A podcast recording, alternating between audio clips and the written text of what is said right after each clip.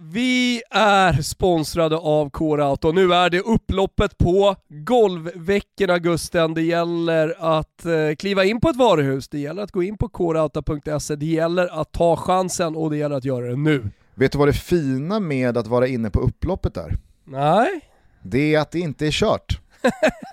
Allt är fortfarande möjligt, så vill man lägga nytt golv, ja men då ska man verkligen passa på. Det är möjligt, upp till 20% på utvalda golv. Passa på att fynda och det är alla tänkbara golv till riktigt bra priser som gäller. Så vill man alltså utnyttja ett av alla fina erbjudanden under golvveckan så behöver man just nu inte skämmas över att man inte tog tjuren vid hornen för två veckor sedan och har slaggat på hanen sedan dess. Det är upplopp, det är inte kört. Det finns fortfarande möjlighet för just dig att kliva in på ett av alla Core-Auto-varuhus runt om i Sverige eller på coreauto.se och faktiskt hinna med det du vill göra. För golvveckorna är inte slut, men man kan inte vänta för länge. Vi säger stort tack till Core-Auto för att ni är med och möjliggör Toto Balotto. Kitos Core-Auto.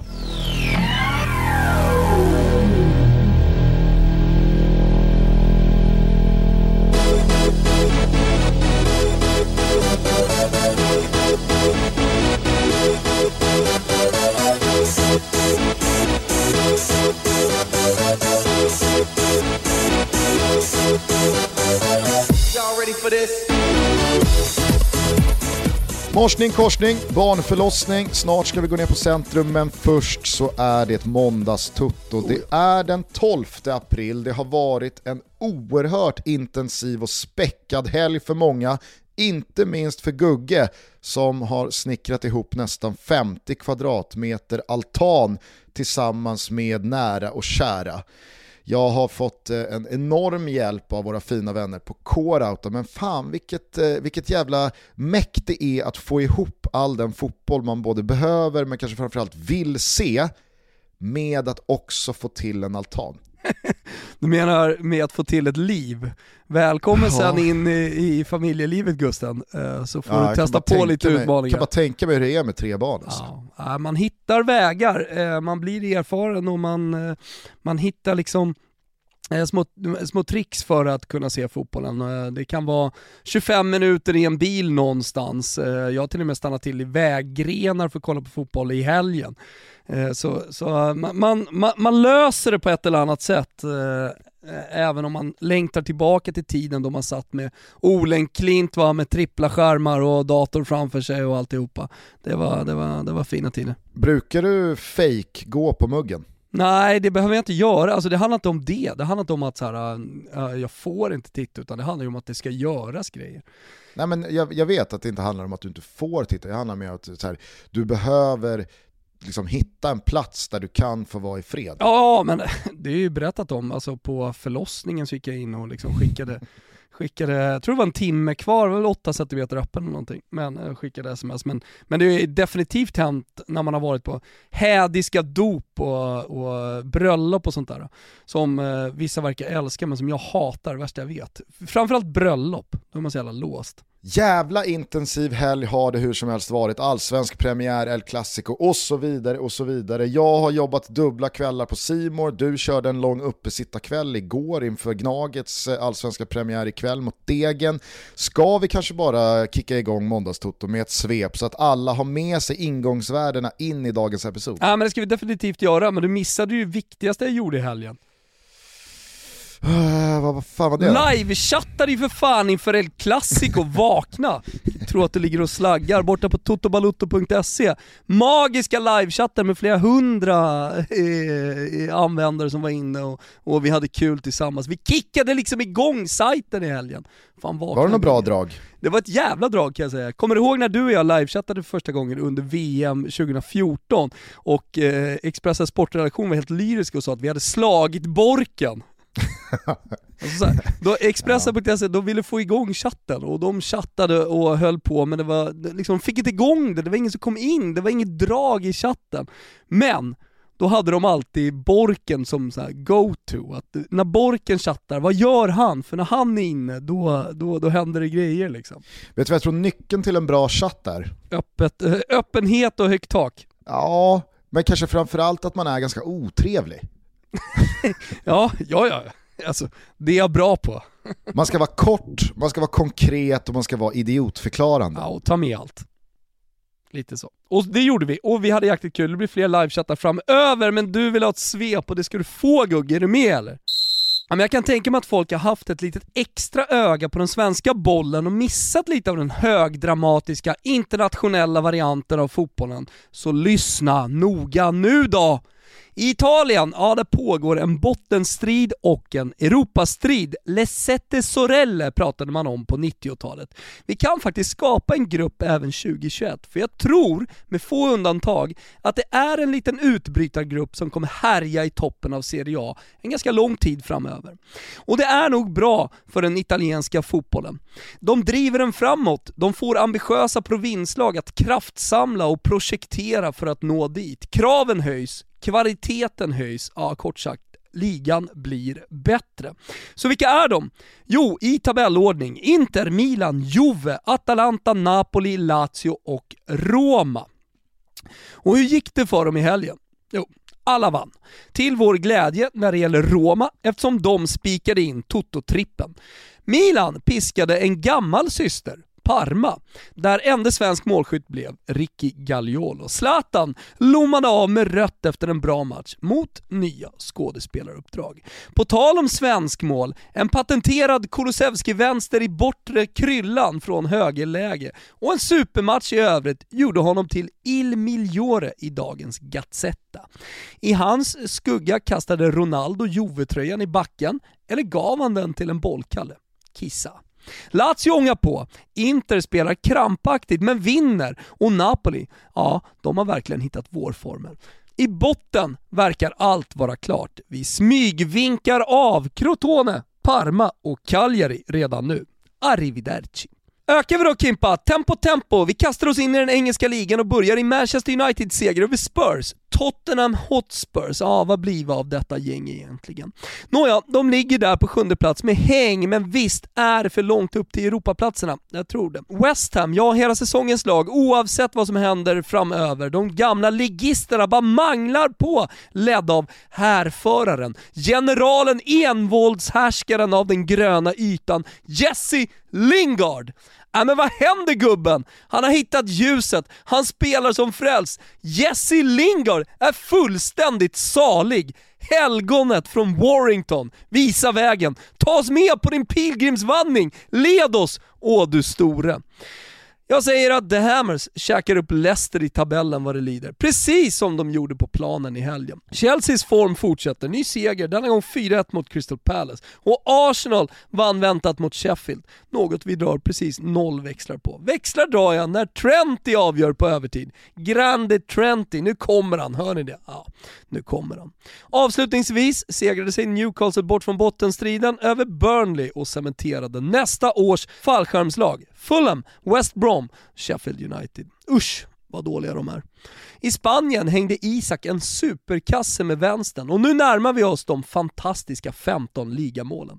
Annars är det ju toppstriden såklart som eh, är så in i helvete fin i Spanien. Real Madrid slog Barcelona i El Clasico efter att Bensen, ruskiga, tunga, fläskiga Bensen bara manglar på. Va? Och Real ser ut att gå mot en mysig säsongsavslutning. Men vem vinner? Fantomen predikar Atletico. Ah, Hans statistik säger 60% atleti, men på planen ser det ut som ren skräp. Jag säger som ni vet Real Madrid, men eh, så börjar man väga in Messi och spelschema och så vidare. Mm. Oavsett vad man tror så blir det en avslutning av den spanska ligan som heter duga. Gåshud! Och på tal förresten om toppstrider, hänger ni med i dramat borta i France? Kika annars in på totobaloto.se och läs Jakob Nilsson, Il Laureato som vi kallar honom, Lill, PSG och så Monegaskerna och kanske ändå Lyon, jag vet inte vad du säger där kanske lite för snälla. De går hur som helst en tät, jämn kamp i den franska ligan. Inte Spanien toppstridsjämn, men det är ändå bara fem pinnar ner till Lyon för Lille som leder kvartetten. Samtliga lag vann övertygande i helgen och vi följer såklart avslutningen här i Toto. Avslutningsvis Deutschland, tänker ni. nej, nej, nej, nej. Där går gränsen. Svepet är slut. Detta trots att Bayern ändå bara fick 1-1 hemma mot Union Berlin och Olenklint ja. tog rejält pröjs på sitt Wiseguy-spel och Leipzig kunde närma sig den där titelstriden igen. Så köper jag ändå att du stänger ner det där. Jag fick eh, precis pusha från Kimpa att eh, Adam Pöler Nilsson slängt in eh, tre punkter från helgen i Bundesliga på totobaloto.se. Så de som ändå är intresserade, de kan ju fan gå in och, in och läsa det, eller hur? Är det möjligtvis så att han har uppmärksammat att Schalke faktiskt vann en fotbollsmatch och nu står på 13 pinnar i Bundesliga? Faktiskt bara, jag säger bara, 13 pinnar ifrån säker mark. Har de något på gång? Brandmannen Funkel in i Köln för andra gången, eh, lyder liksom rubriken här. Ja, ni hör ju, det är bara mm. in på totobalotto.se och kasta er över Pölers tyskrace ja. ifall ni känner att vi har negligerat dem här i svepet. Bra annars, tycker det var matigt och informativt. Eh, lite märkligt att du bara helt eh, dissade Leeds bortaseger mot Manchester City, men å andra sidan så är ju liksom allt City gör i Premier League för dagen ganska så irrelevant i och med att det är fullt fokus på, på kupptitlarna och avståndet ner till United är ju enormt. Va? Ja, jag satt och ehm. fingrade lite på säsongens lag i eh, Premier League, alltså bortsett från då Manchester City som vinner tämligen övertygande, höll jag på att säga, överlägset skulle jag säga. Eh, men eh, då vill jag ju säga Leeds och Bielsa som nykomling och allt det där. Men så är ju West Ham där uppe. Ja, alltså hur man än vrider och vänder på det så är ju West Ham det, det, det, det, är något, det är något av det värre man skådat senaste säsongen alltså.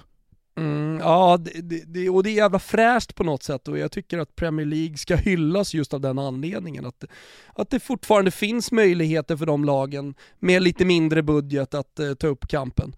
Eh, och sen inte bara, inte bara lag på en kollektiv nivå utan också som du nämner spelare som man verkligen har räknat ut. Jag kommer ihåg för typ ett och ett halvt, två år sedan när man i fantasy-sammanhang gjorde sig lite lustiga över att ett träd hade gjort lika få poäng som Jesse Lingard över en hel säsong.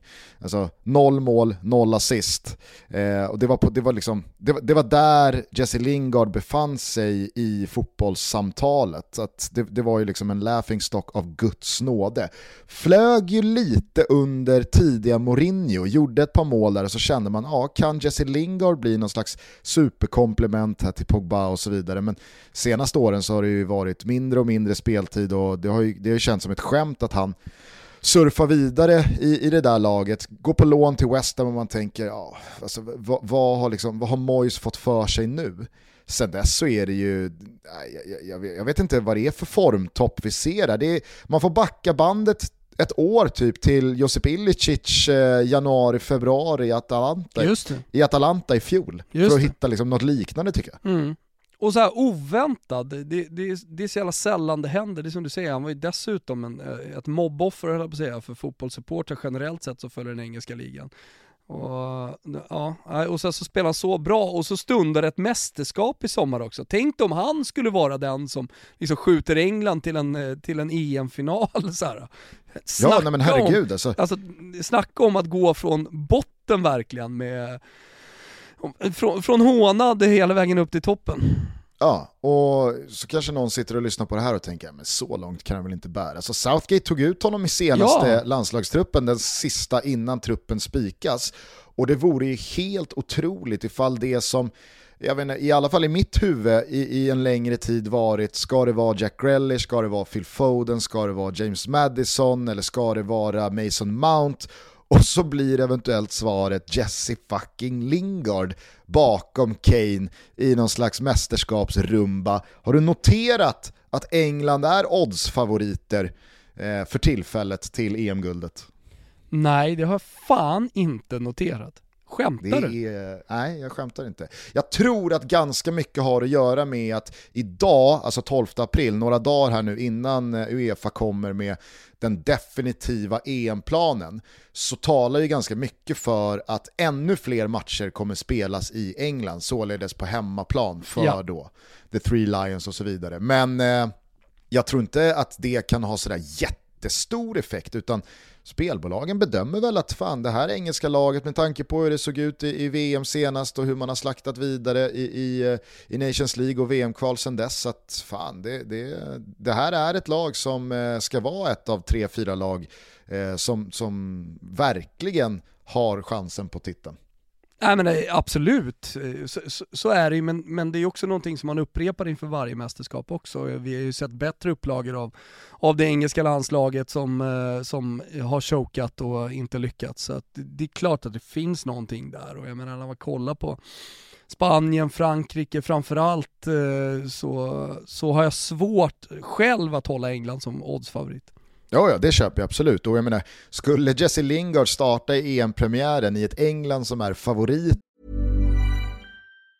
As a person with a very deep voice, I'm hired all the time for advertising campaigns. But a deep voice doesn't sell B2B, and advertising on the wrong platform doesn't sell B2B either. That's why if you're a B2B marketer, you should use LinkedIn ads. LinkedIn has the targeting capabilities to help you reach the world's largest professional audience. That's right. Over 70 million decision makers all in one place. All the big wigs then medium wigs. Also small wigs who are on the path to becoming big wigs.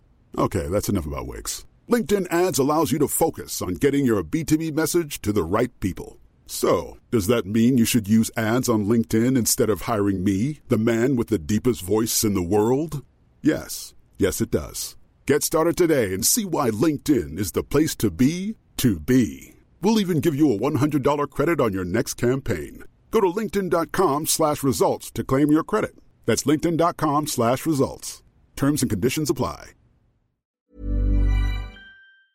enligt oddsen till att vinna EM-guld. blir det mer liksom en upp och nervänd corona-fotbollsvärld än så? Nej, det blir väl inte det. Det är väl precis så. Eh, kul att du fick med Roma seger där mot Bologna och således alltså ännu en rättad Toto-trippel. Jävligt fint att räkna sedlar så här en sen söndagkväll igen. Eh, som alltid när Tompa Wilbur sveper så blir det ingen allsvensk fotboll. Eh, jag tycker dock att eh, vi kort bara, innan vi ger oss ut igen utomlands, kan beröra lite av det som skett hittills i eh, premiärrundan. Har du noterat att Öre stjärt är nia i tabellen? Jag har noterat det, ja. 0-0 mot Blåvitt och det var ju 0-0 även mellan Mjällby och Varberg. Så jag tror faktiskt att Örebro är nia på bokstavsordning. Ändå så är de nia. I en haltande tabell också. Jag bryr mig inte hur, jag bryr mig bara om att Örebro är nia. På tal om den matchen, jag vet inte vad du känner, men det blev en liten så här reality check att än är det fan inte något Real Blåvitt. Tänkte du också det när du såg Göteborgs startelva? Ja, herregud ja. Började man bakifrån, ah, okej, okay, Nestis, Saban Eriksson, Bjärsmyr, Torlinsson, ja ah, men det är väl okej. Okay. Sen så blir det då Jallow, Tern, Erlingmark, Yusuf, Norlin, Sana, Jakub. Sana ruskigt fin måste jag säga. Han var väl den enda som jo. var real i det laget under den här matchen. Jo visst, men, men du fattar vad jag menar, att man har ju liksom så här peppad, blåst upp sig själv kring IFK Göteborgs allsvenska inledning och känt att nu kommer vi få se någonting vi kanske aldrig ens har sett förut i allsvenskan. Tänkte man verkligen det? Och så kommer liksom världens mest allsvenska lag ut på banan och spelar 0-0 mot Örebro. Precis så var det faktiskt. Världens mest allsvenska lag kom ut. Vad är ja, okay. status på Mark? Eh, han var väl med i träning här eh, inför premiären. Okay. De, de siktade ju på premiären men eh, jag tror Ta inga risker att, och så vidare. Eh, Exakt, jag tror nog både Blåvitt och Hamsik själv är intresserade av att skynda lite långsamt här och ta ett klokt beslut. Man får inte skynda för långsamt för då är det EM och sen är sagan över. Jo visst, men, men det är väl det, det, är väl det de, de försöker hitta, rätt balans i att gå på i tid så att Hamsik får sina matcher han vill ha. Eh, jag såg eh, stora delar av malmö bayern jävla fin premiärmatch måste man ju säga.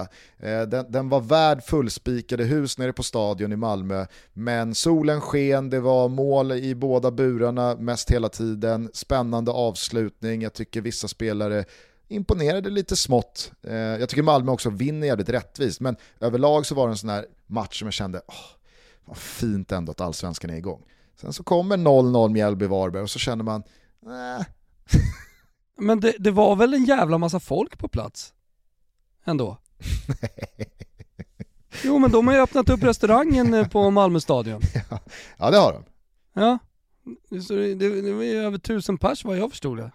som. Helsingborg har väl något liknande, det kan gå hur många som helst. Jo, jo, men det var ju långt ifrån fullspikade hus. Det var inte Skansen direkt. Klart det inte var fullspikade hus, men man hörde ju, man hörde det gorma, så fan, cred till Örebro. Och deras supportrar alltså. Helvete vad de körde genom hela matchen. Lyssnade du eller när de spelade? Eh, Örebro-Blåvitt-matchen såg jag knappt någonting av, så att, eh, nej, där får jag, där får jag, där får jag Alltså det var ett jävla trysch på de gubbarna som fick möjlighet att gå in. Och det, det hedrar alla de här åtta som får chansen att, att, se, att se matcherna. Att det, att, att det verkligen gasas liksom. Och i Norrköping där, där sköt man raketer och kastade bangers från någon kulle så att det smällde hela vägen in på parken. Jag tyckte ändå att de allsvenska supportrarna, jag tycker, jag tycker ändå att de allsvenska supportrarna har inlett eh, allsvenskan på ett fint sätt. Vi får se om det blir några spelarbussmottagningar och så vidare. Idag till exempel när, när AIK ska spela hemma. På tal om att inleda allsvenskan på ett fint sätt, nu är det ju förvisso väldigt mycket maraton kvar, men det var ett par fina starter på många av våra långtidsspel. Vi både rättar toto-tripplar och har roliga långtidskörare borta hos Betsson, bland annat då Malmö skulle inte hålla nollan, eh, vi har Örebro på nionde plats. Starka resultat både för HBK och Sirius och så Elfsborg med en riktig riktig jävla in i bergväggen körning mot Diffen. 0-2, man kände direkt. Och Komo kommer ju lämna fortare än kvickt efter EM-uppehållet och så seglar eh, Elfsborg mot en utanför topp 6-placering. Ja, och jag kollade bara på Elfsborgs eh, startelva för de har ju trots allt snackats upp en del. Eh, det var, det var vi och kanske någon till som eh, var skeptiska till deras säsong. Det var flera som hörde av sig efter att vi hade dem då utanför topp 6 och menade på att de kom ju fan tvåa förra året och ja men det fanns väl argument, det finns argument för att Elfsborg ska göra det bra. Så kollar jag på den startelvan de ställer upp med och det, det imponerar inte på mig och inte spelet heller. Imponerar gjorde ju dock Aris Gulasons vänsterkanon i krysset. Herregud! Vilken jävla hästspark. Mm, den var rejäl. Så tystar man en Wilbur José-tvivlare. Alltså, vadå? Nej, i och för sig. Du kanske bara gick på hans alternativa utseende och inte kritiserade honom som fotbollsspelare. Nu Nej. när jag tänker efter. Peking fina.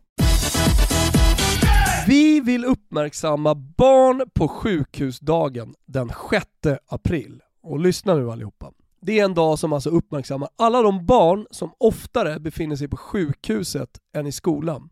Ja, för det är så, när allting kretsar kring medicin och behandlingar, då gör en glädjefylld dag en enorm skillnad. Och nu, lyssna, behövs ditt stöd. Vi har skapat hashtaggen Tuttonallen, så genom att köpa en Tuttonalle så hjälper man alltså till att ge fler glädjefyllda dagar till barn med allvarliga sjukdomar och diagnoser varje dag. Precis Gusten, varje nalle har dessutom med sig ett nallekort med en spelarautograf från antingen dam eller herrlandslaget i fotboll. Och vi vill säga redan nu att det enbart finns ett begränsat antal nallar. Man kan på ett enkelt sätt hjälpa till genom att köpa en Totonalle för att skänka glädje. Det gör man genom att man går in på minstoradag.org org och där kan man sen köpa en nalle för 400 kronor och göra den här enorma skillnaden för alla barn som har det tufft. Hashtagga in ditt köp, alltså din screenshot på din genomförda transaktion under hashtaggen Totonallen på sociala medier, Twitter eller Instagram, så visar vi kraften här nu i Toto Balutto och vad vi kan göra för att tillsammans dels göra skillnad, men framförallt lyfta alla de barn som behöver få lite mera solsken i sitt liv. Ja men herregud, in och gör skillnad på minstoradag.org. Vi säger stort tack till Min Stora Dag som är med och hjälper alla de här barnen med de här glädjefyllda dagarna. Nu gör vi skillnad tillsammans. Toto Balotto säger stort tack till Min Stora Dag för att ni är med och gör skillnad för alla de här barnen. Det om eh, den allsvenska premiären, i alla fall från mitt håll. Du kanske har någonting mer som du vill lätta från eh, hjärtat här, eller laddar du mot kvällen? Nej, men förutom att eh, det, det, det, var en eh, jävla härlig comeback eh, av allsvenskan. Och eh, du, du spikade ju altan och hade matcher på, på datorn och så vidare för att följa. Eh, jag satt ju som sagt en del i bilen och lyssnade, lyssnade ju, och det gör jag ju generellt sett ganska mycket på radiosporten när det gäller den svenska fotbollen och jag tycker att det är jävligt mysigt. Noterade då omgående när sändningen drog igång att de har en ny expert i Radiosporten. Vet du vem den här personen är Gusten? Nej, men jag misstänker att det måste vara en ersättare då till Håkan Mild som gick tillbaka in i Blåvitt och lämnade sitt uppdrag. Ja, det, när, när gjorde han det? Det kanske var ett tag sedan. Nej, i vintras. Mm, men så här, ja okej. Okay, ja. Uh, Rickard Henriksson är ju, är ju, generell fotbollsexpert som vi tycker väldigt mycket om, har ju varit i Toto och... Uh, du menar Rickard Luigi Henriksson? Rickard Luigi Henriksson, ja. Precis så är det. Har ju eh, startat eh, en podcast som jag tycker är väldigt bra som heter Matchen. Mm. Där han eh, intervjuar en spelare om en viktig match som den spelaren har spelat. Nu senast med Kurre Hamrin, tycker jag alla borde lyssna på. Han låter lite skruttig Kurre, men, men han har fortfarande jävligt mycket att berätta. Jag som jag som har eh, spenderat mycket tid med Kurt Hamrin nere i Florens eh, uppskattar honom väldigt mycket och, och eh, ömmar för honom väldigt mycket och han har ju en fantastisk karriär och jävla modig person liksom som blev kvar nere i, nere i Italien, det är långt från alla som blir och, och omfamnade det ljuva, ljuva livet där med hans fantastiska fru. Ja, jag måste säga, jag har inte hört eh, avsnittet eh, i sin helhet men de snuttar jag nåtts av så reagerade jag i alla fall direkt på fan vad det har hänt mycket, inte bara med fotbollen utan fotbollsmedia, språket, bevakningen, namnen, alltså allting. Man känner verkligen att det, det, det känns som 300 år sedan Kurre Hamrin sprang runt eh, och, och, spelade fotboll för eh, inte bara italienska klubbar utan även svenska landslaget. Ja men det var väl ungefär 300 år sedan också. Eh, fantastiskt att föra hans berättelse. Hur som helst, Nanne Bergstrand. Är Nanne ny på Radiosporten? Ja, Buxingen vet du. Hur funkade det då? Det... ja, jag satt och skrattade. Och sen var jag inne på klotterplanket på vår nya sajt och så var det någon som hade uppmärksammat det också. Alltså han är totalt ointresserad. han blir nästan, han blir nästan förbannad när han får frågor. Är du med? Så här, gubbigt, grinigt svarar han eh, på frågorna han får. Uh, och, uh, ja, men det, jag tyckte det var roligt, humoristiskt, härligt. En surgubbe som sitter där och tycker att frågorna är dåliga.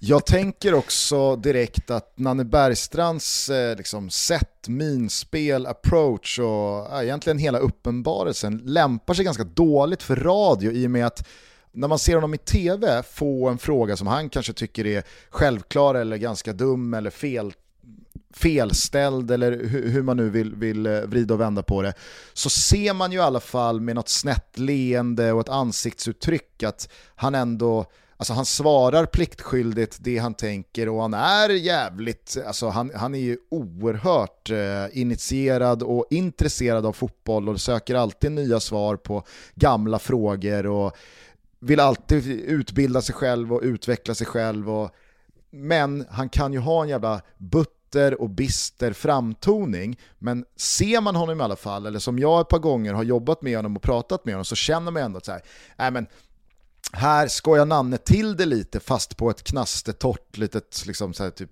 brittiskt sätt. Eh, men i radio så, så, kan jag tänka mig att när, när den delen av, av Nanne försvinner så kan det låta som att han, han, liksom, han vill inte ens vara där. Ja, men det låter som att han snäser av eh, hans bisittare så att säga. Eh, det, det, och, ja men du vet ju, under en fotbollsmatch, under en sändning så, så, så kommer det ju en del frågor. Så här, hur tänker man där? Man får ju ändå tänka på att det är, det är radiosporten. Mm. Eh, tänk Karlavagnen, tänk på uh, kvällsöppet eller vad fan det, det nu heter när, när stugorna ska ringa in. Alltså det, det är ju för alla. Majoriteten som lyssnar radiosporten är ju inte steg 5-utbildade. Det är de definitivt inte och de följer inte allting. Majoriteten sitter ju inte med flashscore igång under helgerna om man säger så. Utan de väntar på mål. Nej men så då, då blir det ju en del eh, kanske självklara frågor och kanske en del dumma frågor men, men som är intressant för den breda massan. Men eh, hans kommentar i alla fall när han, eh, när han eh, introducerades eh, och det offentliggjordes att han skulle bli ny fotbollsexpert var att jag kommer vara lagom kritisk. Och just lagom eh, får ju vara då ett ord som eh, symboliserar hans debut i Radiosporten. Han var lagom kritisk, sur och lite grinig. Mm. Det är också så jävla samklang med att Radiosporten har plockat in Nanne Bergstrand som ny expert. Att inte ens jag har liksom nåtts av det. Det, det är inget affischnamn man drar på och slår på stora trumman kring att oj oj oj, Radiosporten och Sportextra har, har landat Nanne Bergstrand utan jag, jag, får liksom, jag får tillskansa med den informationen genom dig några dagar efter han har debuterat. Exakt, exakt. Och det kanske säger någonting om Radiosporten. Vi drar igång Tipslördag som en konkurrerande verksamhet till Radiosporten på lördag. Du är inte med då Gustav, men jag hoppas att du kan lyssna in lite när vi kör från 1 till 6 på lördag. Jävla arbete som ska göras nu under veckan för att redaktöra fram det. Oj, oj, oj, oj, oj. Wilbur José har steppat upp. Jajamensan, han snappade upp lite. Vi har ju bland annat en ny måljingel, vill du höra på den som en, som en liten, eh, eftersom jag ändå sa dutte mål, ja. så, så jobba in den. Ja, den kommer här. Jag ska vara lagom kritisk till den. Och lite grinig. Här kommer den. Mm. Ja. Lite snabbare, lite rappare. Här kommer den igen! Ja, jag, jag försöker liksom eh, gå in i min inre lagom kritiska Nanne Bergstrand och vara återhållsam och knastertorr i mitt betyg. Men jag tyckte den fan var bra, jag kan inte hålla igen. Ja. Ja, och här kommer då eh, den klassiska, hoppas att det blir klassisk, eh, intro. Den klassiska. Ja, men lyssna då.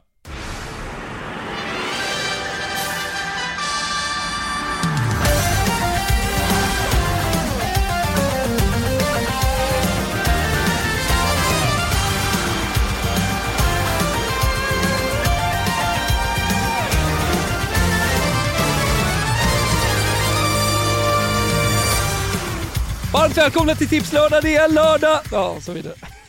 Ja, fin. Man hör att eh, det är Kimpa Wirsén som eh, har varit med i framtagningen eh, av det där introt. Det, det finns 80-talsflörter och det finns elgitarrsolon. Och, nej, Eller hur? Det var, det var bra, bra, bra skjuts i den, bra pump. Ja, Bra skjuts i den. Eh, hur som helst, Nanne Bergstrand ny, du undrade om jag hade något mer från, all, mer från Allsvenskan. Eh, det, det, var Nanne. Hur som helst, sista grejen som jag tänker på eh, från eh, den här helgen och eh, Allsvenskan, eh, det är ju den informationen som jag nåtts från flera olika håll gällande gräsmattan på Friends Arena som är ständigt återkommande jävla problem.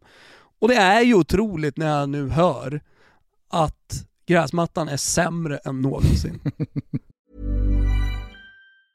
A new year is full of surprises, but one thing is always predictable postage costs go up. Stamps.com gives you crazy discounts of up to 89% off USPS and UPS services. So when postage goes up, your business will barely notice the change. Stamps.com is like your own personal post office, wherever you are. You can even take care of orders on the go with the mobile app. No lines, no traffic, no waiting. Schedule package pickups, automatically find the cheapest and fastest shipping options, and seamlessly connect with every major marketplace and shopping cart. There's even a supply store where you can stock up on mailing supplies, labels, even printers. Stamps.com has been indispensable for over 1 million businesses just like yours. All you need is a computer or phone and printer. Take a chunk out of your mailing and shipping costs this year with Stamps.com. Sign up with promo code PROGRAM for a special offer that includes a four week trial, plus free postage and a free digital scale. No long term commitments or contracts. That's stamps.com code program. fan är det möjligt? Ja, men alltså, nu har det gått snart nio år sedan Zlatan gjorde det där målet mot England och vi sparkade igång en ny era vad gäller svensk fotboll eh, och nationalarena. Alltså, är mattan sämre än någonsin nu? Ja, ja, ja, det, det, är, det, är fan, det är fan det största jävla fiasko som har bedrivits i svensk fotboll tror jag.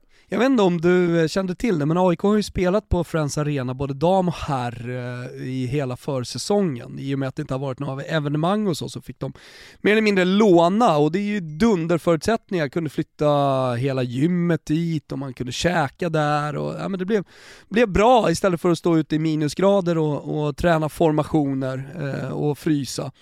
Eh, och, och, då la man ju ett konstgräs på Friends som alla uppskattade väldigt mycket. För att vara konstgräs så funkade det väldigt bra. Och det är ju bara att konstatera, nu har ju AIK kanske drivit det lite för långt eh, och deras supportrar är liksom stolta eh, över, många är stolta över att man minsann i alla fall är ett gräslag. Men det är ju bara att inse att det funkar inte med gräs på, på Friends. Fast, Och- fast jag kan inte köpa det. Alltså jag, kan, jag kan känna så här: okej en säsong, en första säsong, en helt ny arena och gräset sätter sig inte och ja, men man kanske bommade den där detaljen eller man hamnade snett på det där tänket. Men nio år, alltså jag skiter i klimatzoner och ljusinsläpp och fan vad vet jag, jag är ingen trädgårdsmästare. Men på nio år så måste man för fan kunna få en gräsplan okej. Ja men det går ju inte, det är det som är problemet. Alltså, då får man riva eller bygga om hela jävla grunden på arenan, jag har ingen aning, men Fast det, det- går inte. håll med alltså, om man har att- försökt på alla sätt, fan gräsexperter från Mars har varit där och liksom försökt att få till det. Ja men Är håll du med om att det är lättare- orimligt. Det är lättare, orimligt. det är lättare att få gräs att växa på Mars än att få gräs att växa på Friends Arena. Och det är ju helt sjukt. Ja det må vara sjukt, men så är det och då måste man i något läge, hur stolt man än är, backa vecka. ja. Ja, ja jag vet inte, liksom. har, man inte fått, har man inte fått snurr på det på nio år? Ja, men då- I då något läge så måste man säga fan vi älskar vårt gräs, fan spelarna på någon annan plan, jag har ingen aning. Om det är det som är det viktigaste av allt i hela livet och med fotbollen, att man spelar på gräs i, i Svedala. Jag vet inte. För mig är det ingen hjärtefråga, det är vad det är. Om jag får välja så väljer jag gräs hundra gånger av hundra. hundra. Men om jag får välja på den pissiga gräsmattan som Friends erbjuder och ett riktigt bra konstgräs så väljer jag bra konstgräs. Ja, ja jag, Den släpper! Det går inte att spela! jag är kan i alla fall konstatera att eh, man är ju peppad som man är redan på allsvensk premiär och det är första matchen här för Degerfors på år och dagar och det finns många delikata ingångsvärden här men nu känner jag ju, 19.00 ikväll, jag kommer sitta där och hoppas på att planen är så riktigt jävla dålig. Nu, vi, nu har man liksom, det har gått full circle, nu har man liksom bytt ringhörna så nu hoppas man på att det ska vara så, så dåligt det bara kan vara. För att liksom, kom, man har gett upp på gräsmattan på Friends, så nu kan det lika gärna vara parodiskt. Exakt, och det är precis vad det är just nu. Det är parodiskt. Toto Balotto är den här veckan sponsrade av Rocker. Thomas, vad är Rocker? Nej men först och främst skulle jag vilja säga så här Gusten. Ekonomi är ju lite rörigt. Alla kanske inte håller med, men i mitt huvud så är ekonomi rörigt. Rocker, de har sett till att man får allting på ett ställe och då blir det ju så mycket enklare. Alltså man kan betala, man kan spara, man kan splitta gemensamma köp, man kan samla kvitton, hålla koll på sina köpvaror och få insikter om sin ekonomi i en enda app oavsett vilka andra banker och kortföretag som man har. Man behöver alltså inte byta bank utan man lägger bara rocker ovanpå den nuvarande ekonomin och får då en bättre koll på helheten. Du hör ju, det är som, du vet ju hur rörig jag är Gusten. Det blir liksom Ja. som balsam för mitt lilla huvud här. Jag kan, jag kan lägga den här ovanpå som en härlig mjuk liten sammetsfilt bara och så får jag kontroll på alltihopa. Ah, men nu börjar jag nog förstå vad, vad Rocker är. Har jag också uppfattat det rätt när jag alltså säger att den här appen är helt kostnadsfri att använda? Ja, det stämmer. Man behöver inte byta bank, utan man lägger den som jag sa, man lägger den bara ovanpå sin ekonomi för att göra allting enklare. Rocker utmanar bankerna med smartare och enklare finansiella tjänster. Ni hör ju själva hur bra det här är. Ladda ner Rocker-appen idag. Toto Balotto säger stort tack till Rocker för att ni är med och möjliggör vår lilla podcast. Stort tack! Eh, vi släpper Sverige, tar oss utomlands igen. Vart vill du börja? Det var sju raka segrar i Serie A för topplagen. Eh, det var en jävla match på Franki. Eh, Dusan Vlahovic eh, ser ju ut som the real deal, men vi kanske ska börja i svensklägret ändå. Eh, noterade du, jag tror att det var Gazettan, som skrev om eh, Zlatans namn till Dr. Zlatan och Mr. Ibra. Jag såg den här på morgonen. det är så dåligt. Ja det är ibland, det är ju snyggt liksom. Och de har ju några redigerare, designers där borta på Gazettan som är jävligt vassa. Men de har inte alltid lika vassa rubrikskapare. Och de ska ju alltid försöka vända och vrida på, på de där grejerna. Ja, och få till det. Jag menar, ah, fan tänk dig själv, jag, jag har ju pratat om hur det är att vara Zlatan-krönikör. Såg du att jag var tillbaka för övrigt eh, och skrev en Zlatan-krönika, det var länge sedan. Eh, lite, lite skeptisk var jag hur som helst. Eh, men, men tänk dig Roger Settan som ska vända och vrida på honom.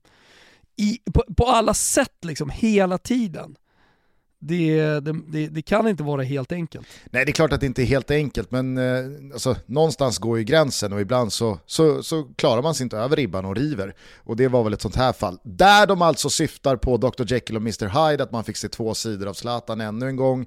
Han är ju otrolig i eh, upprinnelsen till Rebic 1-0 mål och bra i Milans eh, första timme. Sen blir han utvisad, han säger någonting till domare Di Bello som, om jag har uppfattat efterspelet korrekt, han har uppfattats som Seijon Bastardo, alltså det är en jävla horunge, eh, domaren, och det får han rött kort för direkt, medan Zlatan och Milan-lägret hävdar att han ska ha sagt någonting i stil, jag kommer inte ihåg orden som Vicky Blomé hjälpte mig att återge från den som rapporterade här. Eh, alltså, orden är då, det där var konstigt, och att det då fonetiskt låter lite Mi sembra som... strano, ja, kan han ha sagt. Okay, Säg ja. bastardo, mi sembra strano, du kan väl värdera själv. Jo, absolut. Det, alltså, så här, det, det, kanske låter likadant eller liknande, men det jag landar i det är att varför skulle Zlatan häva ur sig? till Mi sembra strano är ju en mening som jag inte kan tänka mig att Zlatan har i sig. Nej, dels det, alltså, men... alltså ur, ett, ur, ett, ur ett språkligt perspektiv efter att ha hört honom i intervjuer nu i, i liksom i, i, i 15 år i Italien och hör hans italienska på eh, Il Palco i San Remo och så vidare. Ja. Alltså, eh, eh, referi, eh, eh, arbitro, eh, mi sembra strano che... Vänta, det är så här, du, du, börjar ett, du, börjar, du börjar ett resonemang med, med, med de orden. Du, det verkar lite konstigt här att... Eh, här, är det Zlatan för dig? Domaren, det, det verkar lite konstigt eh, eller har du ja, ditt jävla rövhål, vad håller du på med? I synnerhet också efter att Milan fått en frispark på mittplan som de ska ha. Man leder med 2-0 borta mot Parma, allt är i sin ordning, det är liksom ingen fara på taket överhuvudtaget. Di Bello delar ut frisparken som det är väl Chalanoglu som får en tryckare i ryggen. Varför, oh ja. va, va, varför ska Zlatan ens tycka att det är något konstigt med någonting överhuvudtaget? det, är så, det är så jävla liksom ja, så, desperat och ihålig efterhandskonstruktion från Milan-lägret här. Ja, och det ska ju inte ha varit det enda, för det har framkommit eh, lite mer nu såg jag på morgonen när jag kikade igenom sociala medier. Att det, det, det finns ett resonemang som har varit ganska offensivt innan just de orden då som eventuellt har, har fel tol tolkats. Ja, och sen så fattar väl till och med Hillman att om Zlatan går av plan som han gör, han protesterar inte högljutt eller någonting, han, han har inga yviga gester, det är inget uppeldat kroppsspråk. Alltså, tror någon att Zlatan ser ut så ifall han får rött kort för att han har sagt att det här var lite konstigt? det, det är så dumt. Det är så dumt. Ah, ja, skitsamma, Kulusevski gjorde mål igen för Juventus och jag såg att du skrev på Twitter att det där, det behövde Dejan. Ja, det behövde han verkligen. Alltså det har varit en lite tung period, men jag tänker det är en del av hans utveckling, det är en del av en ung spelares utveckling eh, som på så kort tid ändå har gått från eh, juniorfotboll till eh, A-lagsfotboll.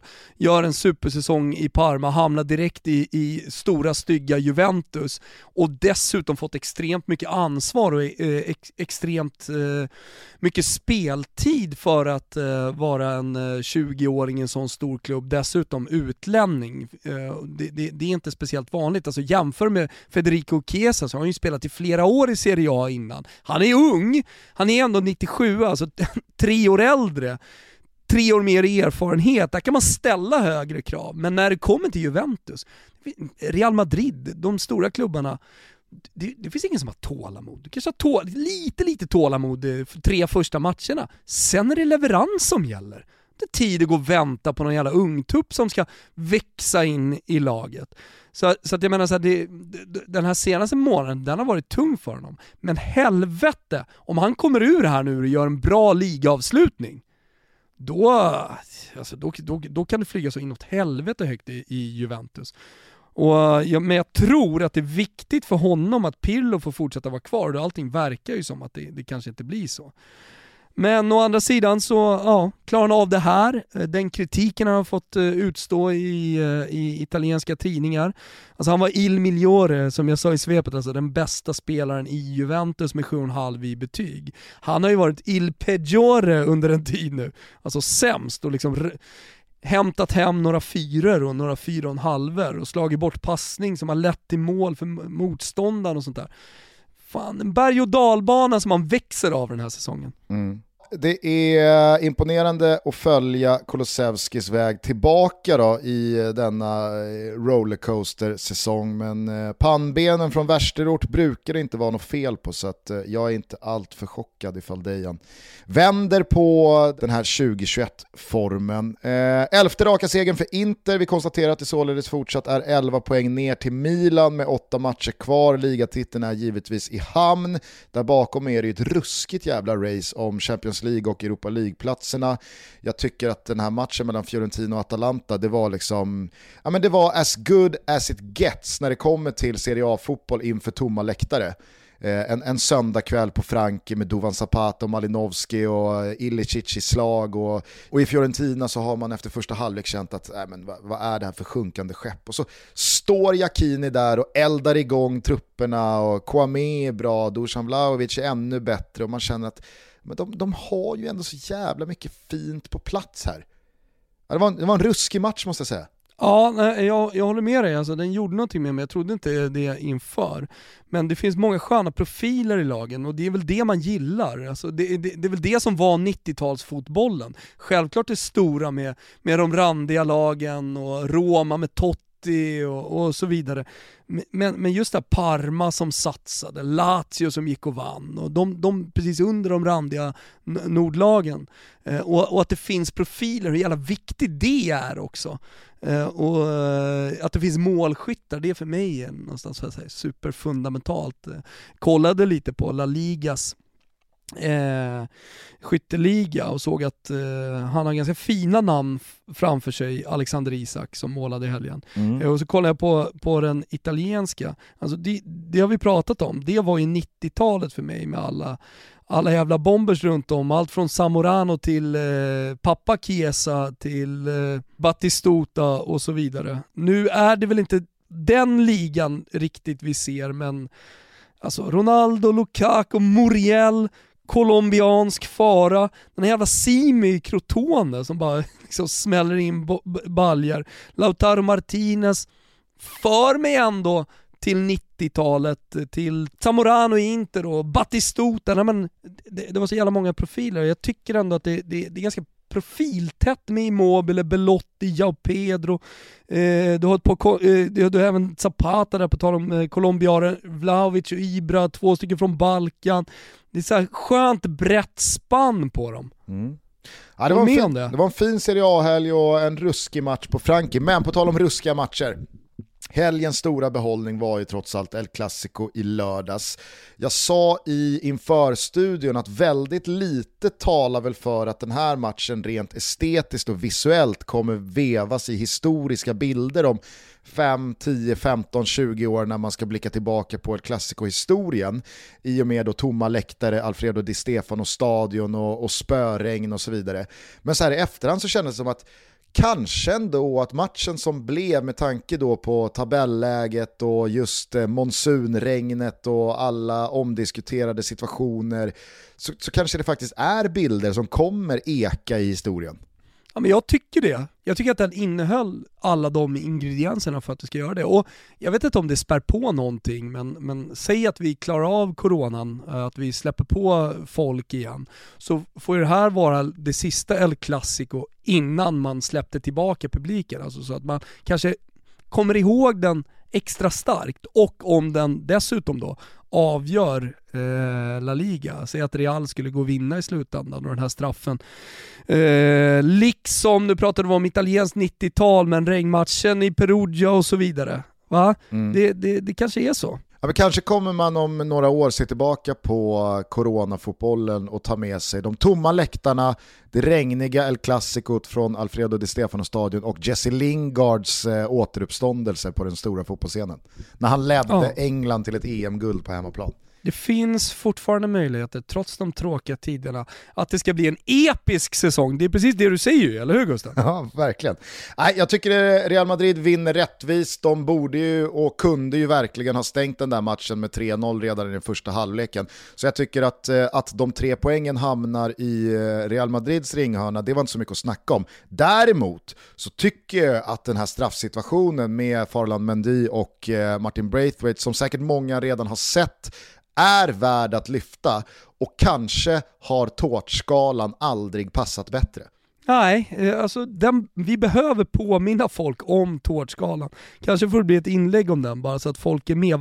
Kan inte du dra den en gång så kommer det från din mun också? Ja, men tårtskalan är vårt sätt att bryta ner eh, situationer på en fotbollsplan som kan bedömas på olika sätt av en domare. I det här fallet så har vi valt att dela upp tårtan i åtta bitar och att domslutet då inte alltid är svart, inte alltid är vitt. Alla som följer den här fotbollen förutom dessa jävla VAR-förespråkare fattar fattar ju att fotboll är inte binärt. Okej, okay, bollen är antingen över linjen eller så är den inte över linjen och det är därför goal line technology funkar och ingen tycker det är liksom problematiskt.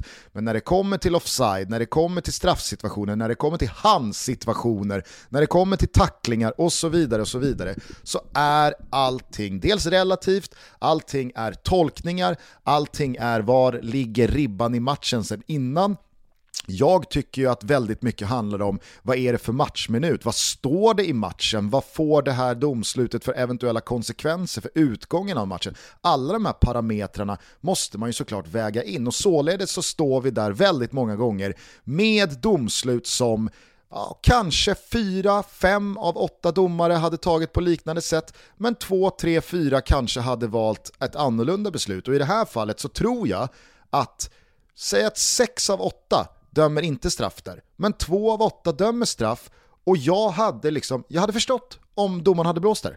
Nej, men, och det är det som är det viktiga med tårtskalan, att det, det, det, blir från ett domarperspektiv, eller från ett annat perspektiv. För alltid när vi diskuterar domslut så utgår vi från vår, vår, vår egna erfarenhet, våra egna kunskaper och vad vi tycker. Nu utgår vi från, egentligen i alla fall lite mer ett domarperspektiv. Men framförallt, hur många domare hade tagit den här straffen? Två av åtta! Alltså jag håller med dig. Alltså sex av åtta domare friar i det här läget. Och jag är helt övertygad om att hade det stått 3-0 till Real Madrid i det där läget, så hade han tagit straffen. För då och det kan man tycka vad in... man vill om, ja, man kan absolut. tycka vad, precis vad man vill om det och att det är fel. Så här. Men, de facto, sex av åtta, det är väl inte de facto, men runt där i alla fall. Enligt tårtskalan är det de facto.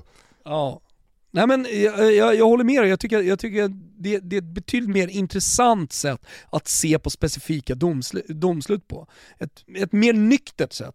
Ja, ja men precis. Och, och, och jag, jag, tycker verkligen att man, man måste förstå alla de här omständigheterna kring domslut. Och det, det, finns liksom i sådana här situationer inget givet beslut. Det finns fog för att blåsa straff där, men det finns såklart jättemycket fog för att inte blåsa straff. För det är liksom en soft touch som man hade beskrivit i England. Men å andra sidan, Mandys armar ska inte vara där. Det är så jävla uselt försvarsspel och det är så dumt att ens riska någonting i det där läget. Det är 5-10 minuter kvar över klassik och man leder med uddamålet. Och Braithwaite är dels på väg av planen men framförallt så är han på väg bort från målet. Alltså varför ens slänga upp armen där och ge domaren chansen att blåsa? Men ja, jag tycker att eh, tårtskalan 6 eh, av 8 friar, 2 av 8 tar den det, det, får ringa in vår ståndpunkt, vi verkar väldigt överens här. Håller du med om att Real Madrid återigen visar sin styrka i den här fasen av säsongen och kan lägga en ruskig vecka till handlingarna? Ja, återigen så tycker jag att det är någonting som verkligen får känneteckna Zinedine Zidane, att han är en bra tränare när det ska avgöras, eller hans lag är tunga, stora och starka och stygga och, och vinner matcher när det väl ska avgöras, bäst när det gäller. Och vad fan handlar idrott om i slutändan? Oavsett vilken jävla sport det är eller om det är ett mästerskap eller en liga som ska avgöras. Det handlar om att vara bäst när det gäller. Det spelar ingen roll om du har sprungit 9,81 i, i någon jävla inomhusgala i februari. När OS kommer i juli och du springer på 10,01, det, är ingen som kommer komma ihåg det för den där inomhusgalan. Vet och det är, liksom, ja, men det är lite samma sak, liksom så här.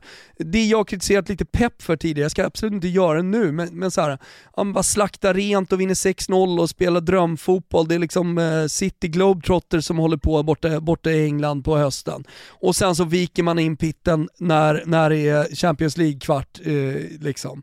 Och jag, jag hoppas och tror inte hoppas inte för alla City-supportrar, men, men så här, jag tror inte att jag kommer få återkomma till att, att kritisera Pep eh, för att återigen ha vikt in den i ett viktigt eh, möte i Champions League. Och han har ju dessutom, det vet jag om, visat att han kan vinna ligatiteln, absolut.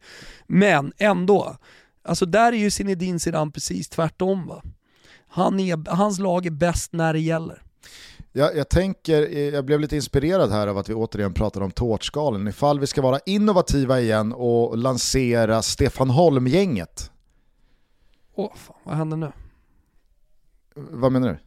Ja, vad, alltså, vad, vad är det här för någonting? Vad är det för, vad, är det, vad, vad, vad, vad, vad snurrar innanför pannloben på dig? Nej men jag tycker att du, du, du sa det bra och så, så tog du en friidrottsreferens och därför så började jag tänka på Stefan Holms väldigt märkliga strid han i många år har drivit mot Patrik Sjöberg i liksom så här, vem som egentligen har varit Har vi Sveriges drivit bästa från båda håll ska sägas. Nej, för att Patrik Sjöberg har ju hela tiden varit tydlig med att, men Stefan, jag har hoppat högre än vad du har gjort. Liksom, Ja, vad, är, vad, är det, vad är problemet här? Stefan Holm har ju räknat antal gånger man har hoppat över 2,40 och så vidare. Alltså så här, Stefan Holm måste förstå att han vann ett OS-guld i Aten och det, det, är liksom, det betyder allt. Det, resten betyder ingenting.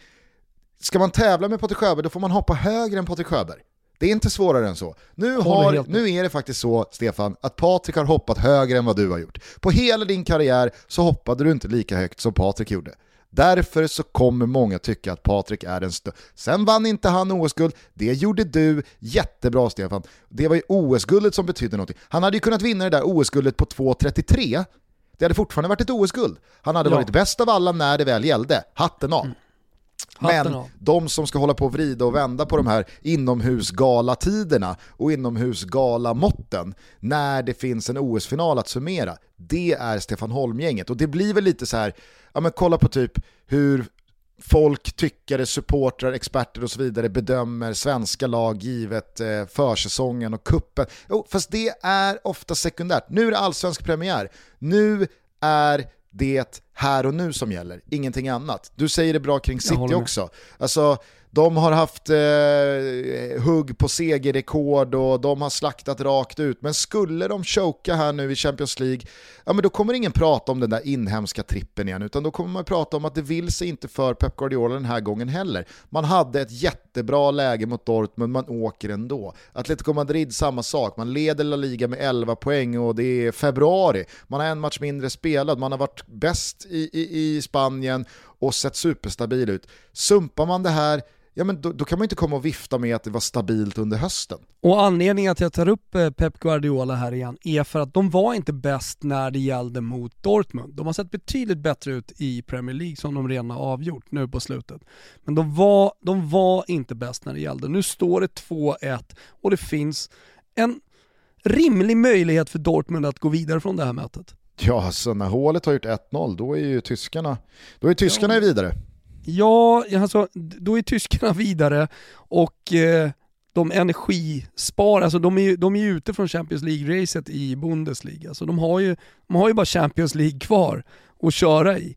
Så jag är helt övertygad om att de, de energisparar ganska mycket. Eh, och det kommer bli ett jävla drag på den här matchen.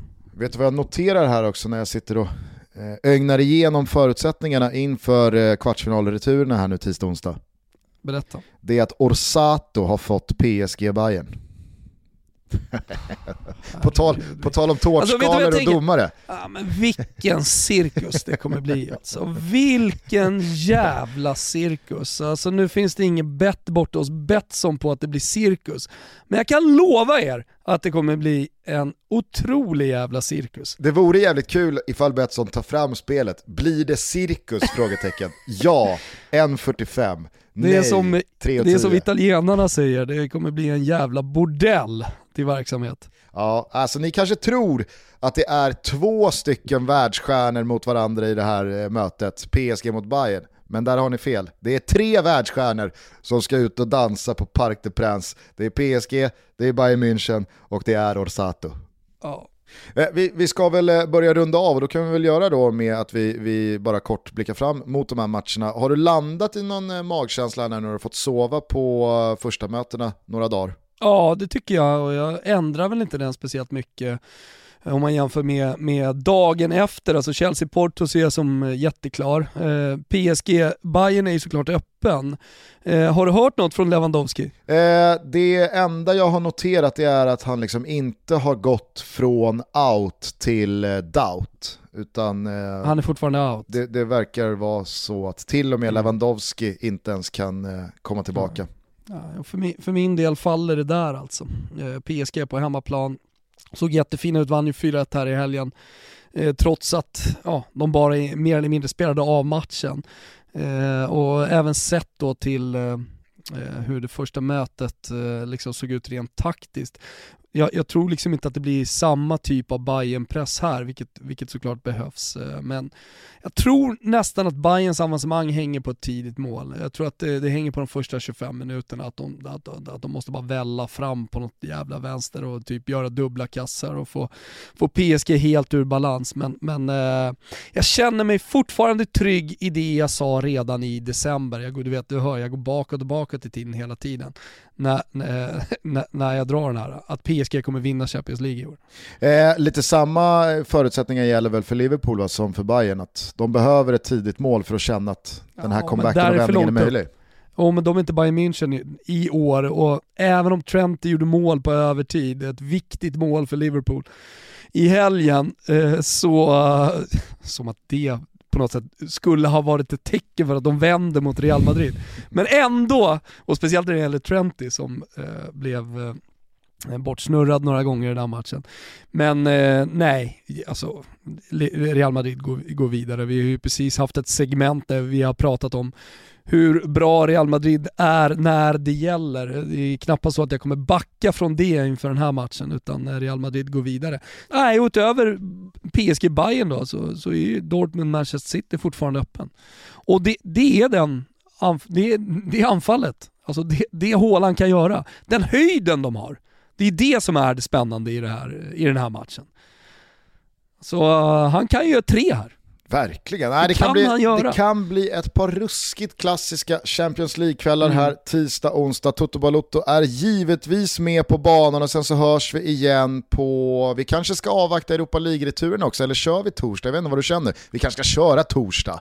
Jag tänker att vi kör torsdag. Ska vi torsdag. sitta och invänta Slavia Prag-Arsenal? Nej, Nej vi skiter i det. Alltså, alltså. Jag, jag har suttit varje kväll och kollat och kämpat och slitit. Och jag kommer göra det på torsdag också. Men i Toto kan vi väl liksom släppa upp lite. Och så är vi lite hyperaktuella vad det gäller de där sköna onsdagsmatcherna, Dortmund City, Liverpool, Real.